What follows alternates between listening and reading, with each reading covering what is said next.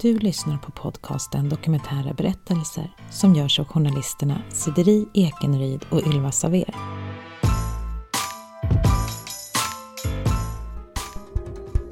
Nu samarbetar vi med Podplay, en ny podcastplattform där du hittar vår podd och en massa andra poddar. Där kan du nu lyssna på avsnitten en dag tidigare, alltså redan på torsdagar. Dessutom finns där redan nu fyra avsnitt av den här säsongen. Så gå in och lyssna antingen på podplay.se eller i appen Podplay.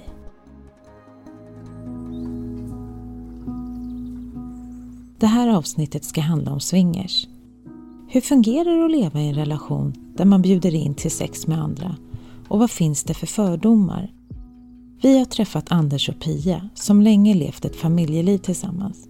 Och där hände det saker som, som, som, som gjorde att eh, vi tog steget in och hade sex med andra.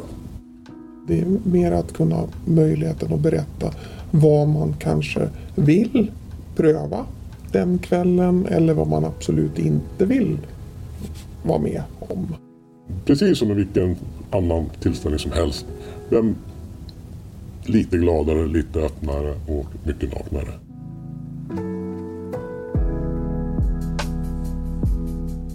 Vi pratar också med Inga Tidefors, professor emerita i psykologi med inriktning mot sexologi.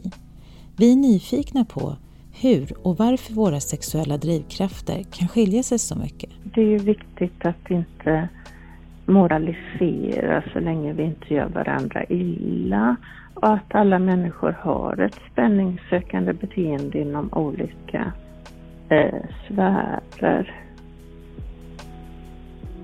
Och ja. tror jag då att detta är ett sätt hos människor att ändå både kicka igång sin sexualitet och bevara tvåsamheten.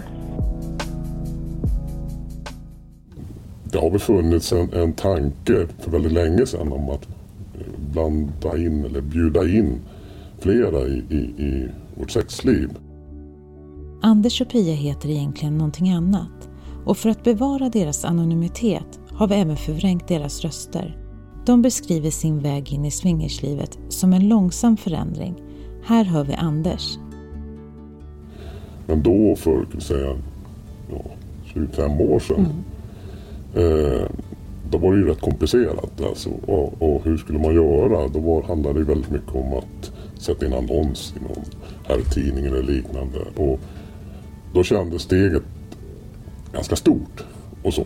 Det blev mer en, en, kanske en dröm då som, som, som vi inte förverkligade då. Och vi var ju samtidigt yngre och kanske inte lika, lika erfarna.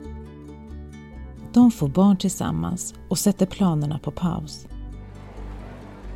Men när barnen är tillräckligt stora får de mer tid till varandra och börjar resa, gå på konserter och festivaler. Och där hände det saker som, som, som, som gjorde att eh, vi tog steget in och hade sex med andra. Eh, kan ju säga att vi var på, på en festival och blev erbjudna att ha sex med, med ett par vänner. Eh, eh, och vart lite överrumplade då när vi fick frågan första gången. Så att, så att vi tackade faktiskt nej. Men sen så gick vi hem och pratade igenom det. Och bestämde att vi ville gärna träffa dem lite senare när vi var redo. Och det gjorde vi. Så det var vår första, men äh, då visste vi kanske inte om att det här var ett swingersliv. Och, och det var lite så här vi höll på några år med, med träffade framförallt de vi hade träffat tills eh, ett par som vi hade varit några gånger bjöd med oss på en riktig swingersfest. Då förstod vi att det fanns jag kan säga, ett, ett helt annat liv att leva som, som handlade om betydligt mycket mer än bara att ha sex med, med, andra personer. Vi trodde att det var det som var det mest spännande men vi har ju lärt oss med tiden att det är ett socialt liv som är eh, fantastiskt och som skapar oerhört mycket eh, vänskap och glädje. glädje. Ett sätt att tänka om swingers det är ju vi hör Inga Tidefors, professor emerita i psykologi med inriktning mot sexologi. Vi undrar hur hon skulle beskriva begreppet swingers. Att till motsats från det man kallar sexuell anarkism som en frihets, eh, frihetsuttryck så är ju swingers ganska mycket inriktad på att eh, behålla tvåsamheten, alltså paret som, som en grundläggande bas och träffa andra par för att utöva sexualitet. Pia beskriver det som att steget in i den här nya världen också har stärkt dem som par. Dels är det väl eh, att mm, vi kommunicerar ju mera än vad vi kanske gjorde innan vi började med det här. Man är, är liksom mera som en öppen bok. Och vi pratar alltid igenom innan och speciellt efter vi har varit iväg på någonting vad som är bra och Och de exempel där det inte går bra, vad är det då som de liksom har missat i sin kommunikation oftast upplever ni? Jag tror är ehm, att det är en som vill mer än den andra. Och den andra följer med för att vara snäll eller ställa upp eller någonting. Så att då, då är man ju inte alls på samma våglängd. Och då är det väldigt svårt att eh, försöka hitta någonting. En del eh, verkar ha gått in i det här för att försöka rädda något, kanske ett äktenskap eller en relation eller något som inte, där man liksom försöker lösa sin, sina kanske konflikter eller så genom att gå in i den här världen. Och då är det väldigt svårt att det ska fungera. Hur många kan man säga att det rör sig om ni träffar? Ja, det, det är ju många men det är hundratals per år. Så är det ju. Eh, men det är ju samma personer och sen kommer det till några som, som, som kommer in i de här nätverken. Så hur går det egentligen till när man vill träffa andra par? Vi har ju barn som bor hemma. Det, det är det svåra. Det är en utmaning. Vi måste åka iväg när vi ska göra någonting. Vi har svårt att bjuda hem folk. Eh, Vi bjuder hem våra swingersvänner som vanliga vänner. Det kan vara ett födelsedagskalas, det kan bara vara Mid, mid, middag, det kan vara bara umgås Ja. inför för vårt barn. Men eh, eh, jag tror det är betydligt tuffare när man har yngre barn naturligtvis. Det är svårare att planera då, om man behöver barnvakt och så vidare. Det, det, det har ju vi passerat. Hur många skulle ni säga är swingers i Sverige? Vet ni någon siffra? Jag tror att utifrån de nätverk som vi är med i så skulle jag kunna gissa att det är inte är det vi kallar för swingers. Alltså. Det är fyrsiffrigt men det är inte femsiffrigt. Så att några tusen skulle jag vilja säga som, som, som finns i de här nätverken. Det är inte alls ovanligt att vi kommer med i en ny Facebookgrupp som har, som har bildats. Någon av våra vänner tycker att vi ska vara med och så när vi kommer in i gruppen och ser eh, vilka medlemmar det är så, så nästan hälften känner, eller känner vi till vad det är för några. Snittålder? Mellan 40 och 50. Att vara swingers, det är, det är mer en samhällelig konstruktion. Eh, tvåsamheten, äktenskapet som paradoxalt nog, tänker jag, vill bevaras.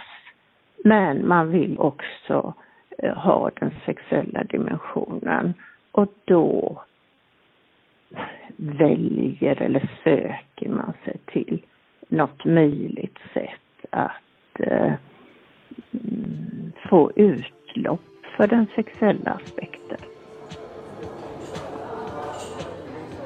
Pia och Anders berättar att man vanligtvis anordnar fester med både andra par men också med singlar. De själva är iväg på en tillställning i snitt varje helg. Det är väldigt mycket som en vanlig fest. Man träffas, minglar, Mi- Minglar lite. Eh, dricker lite bubbel. Ja. Kanske äter en liten eh, buffé. Eh, sen pratar mer. Sen börjar man dansa. Fast man klär av sig när man dansar. Och, och dansen är, är mer horisontell än vertikal. Och så minglar man och sen så har man, Dansar man lite till. dansar man lite till och så pratar man lite och, och Vissa so sover över. ibland sover man över och så äter man frukost och och- så kramas man och så åker man hem. Så att, alltså det är precis som i vilken annan tillställning som helst. Men lite gladare, lite öppnare och mycket naknare. På festerna har man ofta speciella lekrum. Så när, när, när man leker eller har sex tillsammans så, så då gäller det att ha fokus på det. Då kan man inte sitta och prata om, om vad det nu kan vara. Vad man ska ha till middag eller vad man gjorde förra veckan. Eller vad som händer, hur det är på jobbet eller, eller ja, vad som helst. Så att, då vill man ju gärna skilja på det. Så att, och, och, och man vill ju göra både och. Man vill vara både social och så vidare. Så då inrättar man ofta ett lekrum ja, där man kan skydda möbler och så vidare från det som, ja, glidmedel och andra saker som kan, kan skita ner möblerna. Eh, och, och då brukar man kalla det för ett lekrum. Och det kan ju vara olika typer av leksaker som man har där. Eh, det kan vara gungor och det kan vara eh, speciella fåtöljer och så vidare om man har det. Och sen så har du den ja, vanliga eh, soffan där man sitter och pratar, fåtöljen. Hur många brukar vara på en sån fest då? Så hemmafester så är det ju upp till 20 personer ungefär. Va? Beroende lite på hur hemmet är. Va? Men om vi åker på de stora träffarna, nätverksträffarna, då kan vi ju vara uppåt en 60-100 stycken och så vidare. Hur många brukar det max vara i lekrummet då? Ja, mm, jag har väl varit med om att det varit en 60-70 stycken i de här, sto- på de här stora festerna. Och på hemmafesterna, ganska typiskt när, man, när det väl någon har brutit isen, då går de flesta in direkt i lekrummet. Så då kan nästan hela partyt gå in i lekrummet. För, till början med. Och då kan det vara 20 stycken. Det är ju inte så att 20 stycken ligger i en hög, men det kan nästan hända ibland. Det kan vara spännande i sig. Har det hänt någon gång att det eskalerat liksom under någon sån här fest som man nästan har velat tillkalla hjälp utifrån samhället? Mm, nej, inte vad jag känner till. Inte på något som vi har varit med på i Inte, inte på grund av, av osämja utan det har varit olyckshändelser, det vet jag har hänt. Men, men inte på grund av Vad kan det vara för olyckshändelser? Nej men det är att någon har bränt sig eller något sånt där. Eller, Man behöver läkarvård. ja, liksom. precis.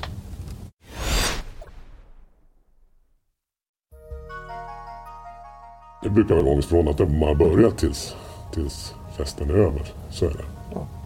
I perioder. Ja. Det, det är som i perioder helt Ja. enkelt. Mm. Så blir det viktning sen brukar Ja. det vara också. Men, men alltså det, det är klart det beror på gästerna. Det är gästerna som gör festen och det är samma sak här. Det, klickar inte alla gäster, det- ja, då händer det inte så mycket den kvällen. Eh, Då kanske man mera har sex med varandra och lite med någon som man känner sedan tidigare. Då kan det bli lite stelt. Men, men det vanligaste är ändå att det lossnar. Och, och så, Det som man eh, ofta gör på en hemmafest det är ju att eh, när man är värd och värdinna så styr man ju vilka som ska komma. Om man eh, åker iväg liksom på klubb eller på klubb eller sådär då vet man ju inte vilka andra personer som finns. i-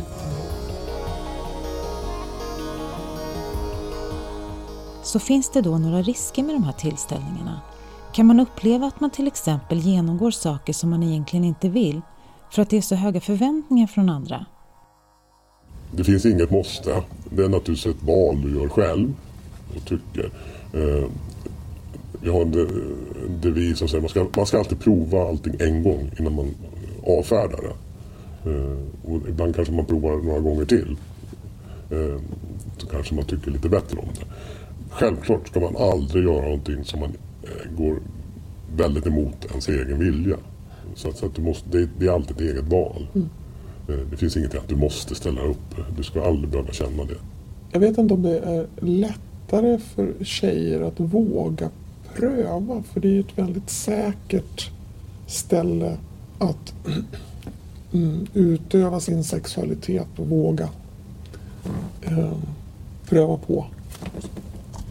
Eh, jag har ju utvecklat min sexualitet väldigt mycket just genom att man både får eh, respons och sen naturligtvis att det är ett säkert eh, sätt. Eh, oftast på hemmafester då har man en liten presentationsrunda. Oftast är det i samband med att man äter någonting eller så.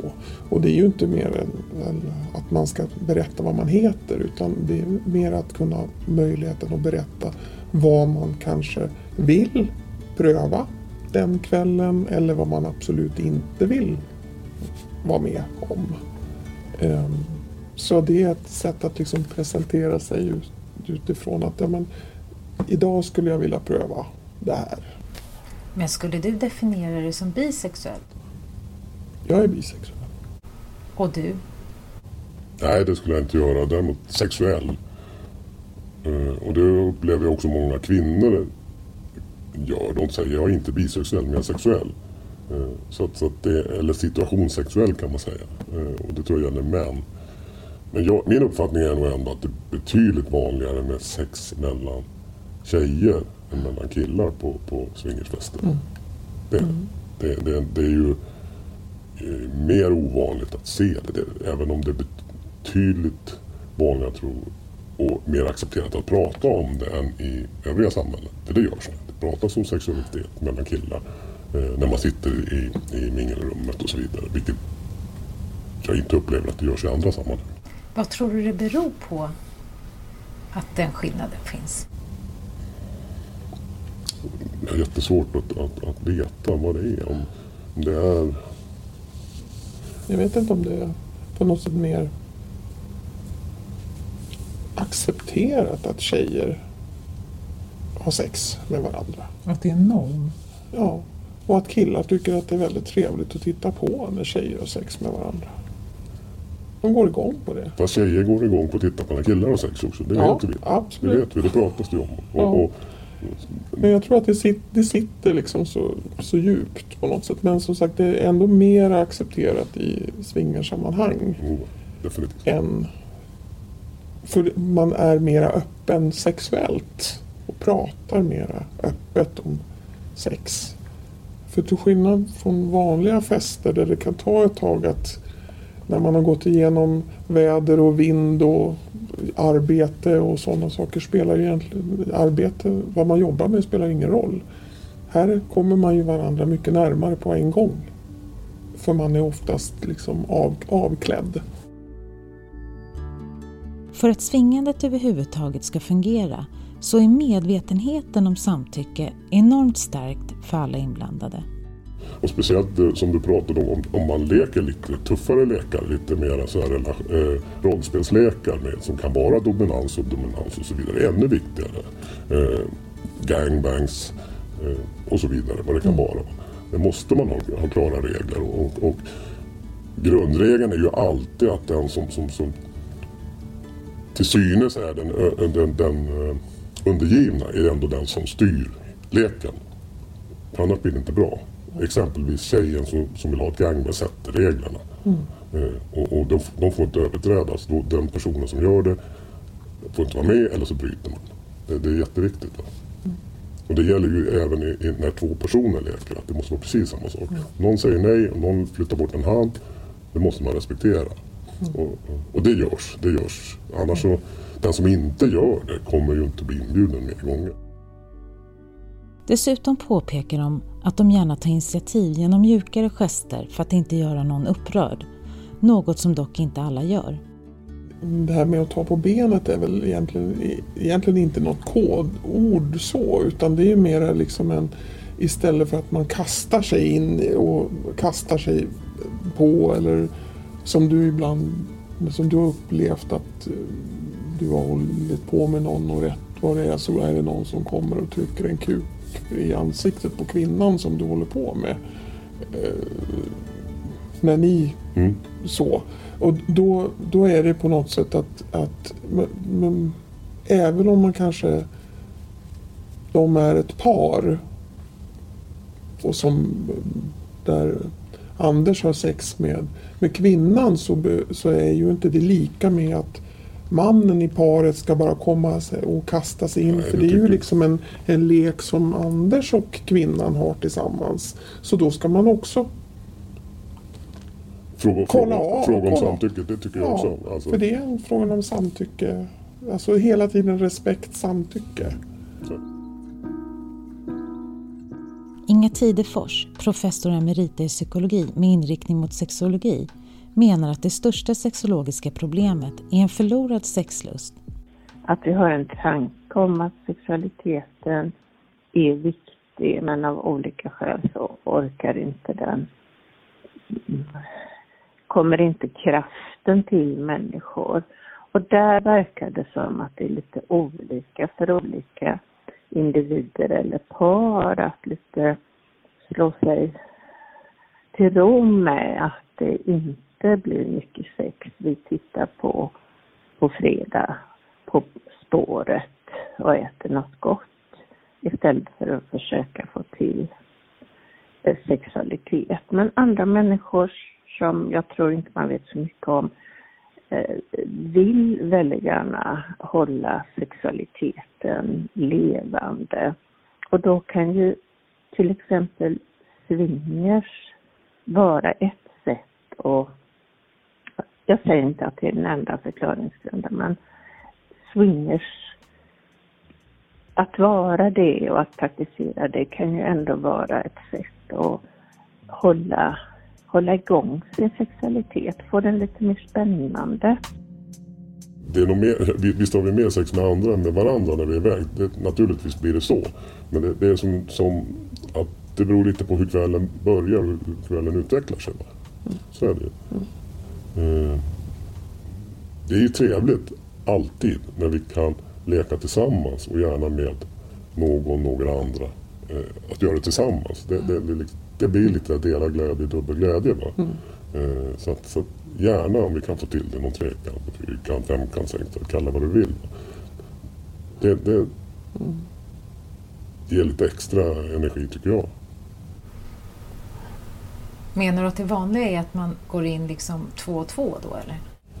Det börjar så och sen så utvecklas leken alltid. Det, det, man kan aldrig veta i förväg vad, vad, vad, hur det ska sluta.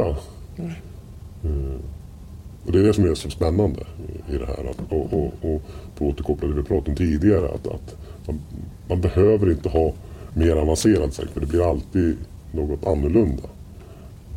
Det är väl också en viktig lärdom. Man ska inte gå in, tror jag, på en sån här fest ha förväntningar. Nu ikväll ska jag göra det här och det här och det här. För det blir väldigt sällan så. Eller det blir nästan aldrig så. Och, och blir det så så blir det aldrig så bra som man kanske hade tänkt sig. Men däremot så händer en massa annat som är mycket, mycket bättre. Trots att de träffar omkring 100 personer om året för sexuella möten är de inte oroliga för att den andra skulle bli kär i någon annan. Finns det uns av svartsjuka så är det väldigt svårt att leva ett sånt här liv. Den, den, den tar död på så mycket av glädjen att, att eh, jag tror inte att man kommer orka med om ena, ena partnern i en, en swingersrelation har för mycket svartsjuka. Eh, Så, att- så att, nej, det är som du sa, så vi kommer ju varandra närmare snarare. Vi, vi bygger band. Vi har ju det här gemensamt. Men vi har ju det här gemensamma intresse, vi har gemensamma vänner som, som, som stöttar oss. Vad gäller sexualitet och sexuell praktik så är det ju viktigt att det sker i någon slags överenskommelse. Och för det handlar ju hela diskussionen om nya sexualbrottslagen, att sexualitet eh, ska vara överenskommelse. Och det tror jag kan vara för människor en svårighet både i, i traditionella monogama förhållanden, polyamori eller swingers. Alltså, är det på bådas villkor lika mycket? Eller vill den ena mer än den andra? Och att där kan vi till exempel i förälskelsen kan vi gå med på lite mm, sexuella beteenden som egentligen vi inte gillar men vi gör det för vi vill den andra så väl och är så himla kära den andra. Eh, så jag tänker mig om man lever, ja, exempelvis polyamoröst eller i ett swingersliv så är det väldigt noga att ha koll på att det är överenskommelse. Så att inte den andra eh, känner jag går med på det eller det här är något som jag egentligen inte vill men jag ställer upp på. Så jag tror att titta på maktbalansen i den sexuella relationen kan bli extra viktigt. När vi var med om det här första gångerna eh, då var det ju liksom så nytt och spännande men då var man ju, då var, försökte man ju ta in allting. Nu har man ju kanske hittat sin eh, nivå som funkar bra och, och eh, så. Jag vet inte, men det låter, det låter ju så tråkigt för det, man utvecklas ju hela tiden och man eh, kan tänka ut nya fantasier som man kanske vill pröva på. Men jag tror den här uff, nivån från början. Den... Ja, men det finns ju så mycket man kan pröva på. Det är från rollspel, ja. man, kan börja, man kan börja leka med, med eh, rep, med, med, med, med BDSM-lekar, eh, man kan, med piskor och allt möjligt sånt där. Det finns så mycket man kan göra. Va? Som, som, som, som jag känner inte att liksom man behöver gå på göra allt på en gång. Och man, man, när man väl provar på en sak så vill man ju liksom känna, är det här något för mig då? Och får jag kickar tillbaks, får jag feedback tillbaks för de personer jag möter? Eh, jag trodde aldrig att jag skulle tycka det var spännande att piska någon. Men när jag får, får feedback tillbaks från den, oftast kvinnan då, som jag piskar och jag märker hur hon njuter så ger ju det mig väldigt, väldigt mycket mm. Då är det ju mer som en ja. dopaminkick ja, för dig. Så blir det. Uh, utan att ha någon sexualitet, alltså sex, ja. utan det är ju snarare liksom interaktionen med den personen som du gör det med. Ja, men det handlar väl om dominanslekar, liksom att, att eh, det kan vara orgasmkontroll, det kan vara liksom att styra en person, att eh, dominera någon. Det är väl lite sånt vi, vi har prövat på. Sen finns det ju mera liksom ännu mer avancerade rolllekar. Alltifrån från, eh, ålder och, och, och, så vidare vad det kan vara. Mm. Eh när man ser filmer då tänker man ju på så här, ja nu är någon sjuksköterska här och så kommer doktorn. Det är inget sånt? Det inte, ligger inte för oss kanske så mycket. Är det något ni har hört talas om? Jo. Kanske vissa grupper som mer dras till det? Ja, det gör det ju. Det finns, det finns ju det. Den kulturen är ju jättestor om man tittar på Darkside och liknande. Eh, och kanske ännu mer bland de yngre än, än mm. oss äldre. Mm. Där, där, där, skulle jag nog tro de definierar sig mera känner mera samhörighet med, med, med, med den typen av sexuellt eh, utagerande. Har ni något sådant kontrakt mellan er? Att är det så att en vill sluta, kommer båda göra det då? Eller finns det inte ens på kartan? Just nu finns det väl inte på kartan. Mm. Och, och, och, och, alltså det, vi kan ju naturligtvis hamna i, i diskussion om vi ska åka på den festen eller göra en familjegrej. Eh, eller om vi ska stanna hemma och måla på huset eller om vi ska åka på den här swingersfesten. Där kan vi vara oense. Va? Men att vi ska leva det här livet. Det, nej. nej. Det, det ger så väldigt, väldigt mycket energi till allt. Ja. Hur är det då med den mänskliga sexualiteten? Finns det något biologiskt som talar för att vi antingen är monogama eller polyamorösa? Här hör vi Inga Tidefors igen. Alltså ibland tänker jag att vi blir så präglade och marinerade i olika föreställningar så det går liksom inte att skilja ut vad som är arv och miljö. Men man tänker ju sig att från början när vi var nomader, då var vi polygama. Men när vissa människor stannade upp, eh, började bygga oss små boende, började odla, eh, vem ska försörja vem, så växte monogramin fram. Och senare när mannens roll i fortplantningen blev känd, det, så blev vi ännu mer monogama utifrån någon princip att eh, varje man skulle då försörja den egna avkomman. Så jag tänker vi liksom i vår mänskliga biologiska konstruktion så är vi, är vi väl inte monogama.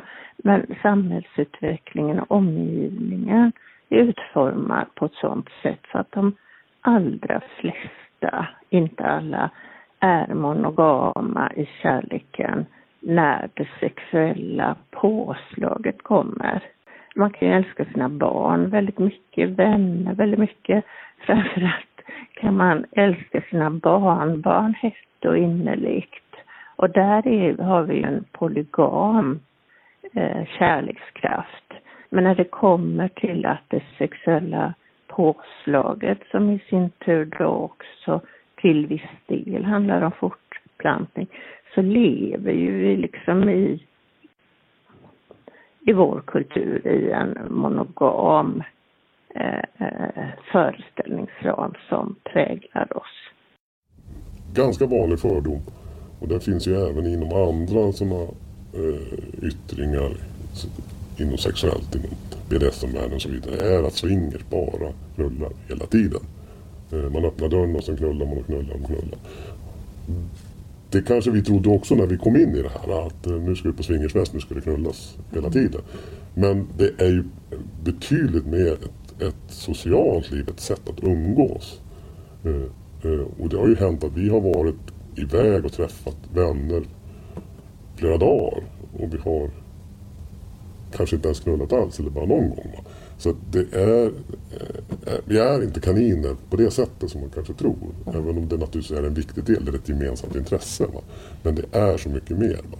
Och det tror jag är den vanligaste fördomen. Sen är det också det vi pratade om tidigare, det här med, med könssjukdomar. Det är väl också det vanliga, vi sprider mycket könssjukdomar. Mm. Men det har ju inte vi sett att det är så. Eh, och, och som, som, vi sa tidigare, att det, den öppenheten och respekt man har för varandra gör ju att det, det, det är något som pratas om och testas sig och man, man säkerställer att man är frisk så gott det går. Men sen det här med eh, er sexuella relation utanför swingers, alltså en vanlig hemmakväll. Eller känner ni då, nej men vi så mätta på sex nu, vi hade det hela helgen. Eller hur funkar det? Nej, vi har naturligtvis en vardag vi med. Vi har ju olika arbetstider. Vi har barn som bor hemma. Så, så det skulle jag personligen önska att vi hade mer. Men vi vet ju att det här vardagen kommer före ibland. Det måste vi, vi måste ta igen barnen som vi, som vi... vi inte hinner med på helgerna. Precis. Så att det är ju um, viss, vissa perioder så kan det ju vara så att inte att man är trött på det men, men att man alltså um, för att man har varit iväg och haft sex eh, så mycket så är, har man liksom fyllt se, veckans sexbehov så att säga. Utan, eh, utan det är nog snarare att vardagen, hemmavarande barn, olika arbetstider. Eh, att det är svårt att få till livspusslet med det. Men vi har ju ändå vetskap om att eh, det är inplanerat någonting, kanske kommande helg eller helgen efter. Så att om man, vi är inte så stressade över att vi inte får ihop det. Tror ni att ni kommer komma till en, någon gång i framtiden att ni kommer lämna det här swingers mot, för no, som ni säger, just på grund av tidsbristen, för no, fördel för någon annan hobby ni har eller något annat ni vill göra? Jag ser inte det. Nej, vi har ju vänner som är äldre som börjar närma sig 70, över 70 som är med i det här. Som är med på festerna. Mm. Eh, de kanske inte är de mest aktiva på festerna men de är lika välkomna som alla andra. Mm. För det är deras sociala liv. Mm. Eh, så att jag hoppas att vi ska bli inbjudna även när vi blir äldre. Bara för att kunna umgås med våra vänner. Det är väldigt roligt. Det är väldigt roligt. Man ska inte dö nyfiken. Eh, och det ger fantastiskt mycket positivt på flera plan. Eh, vi trodde från början att det var det sexuella men det är ju faktiskt på, på ett mänskligt, socialt plan som det ger väldigt mycket tillbaks. Mm. Och vi har inte ångrat oss alls. Vi skulle ha börjat tidigare. Ja.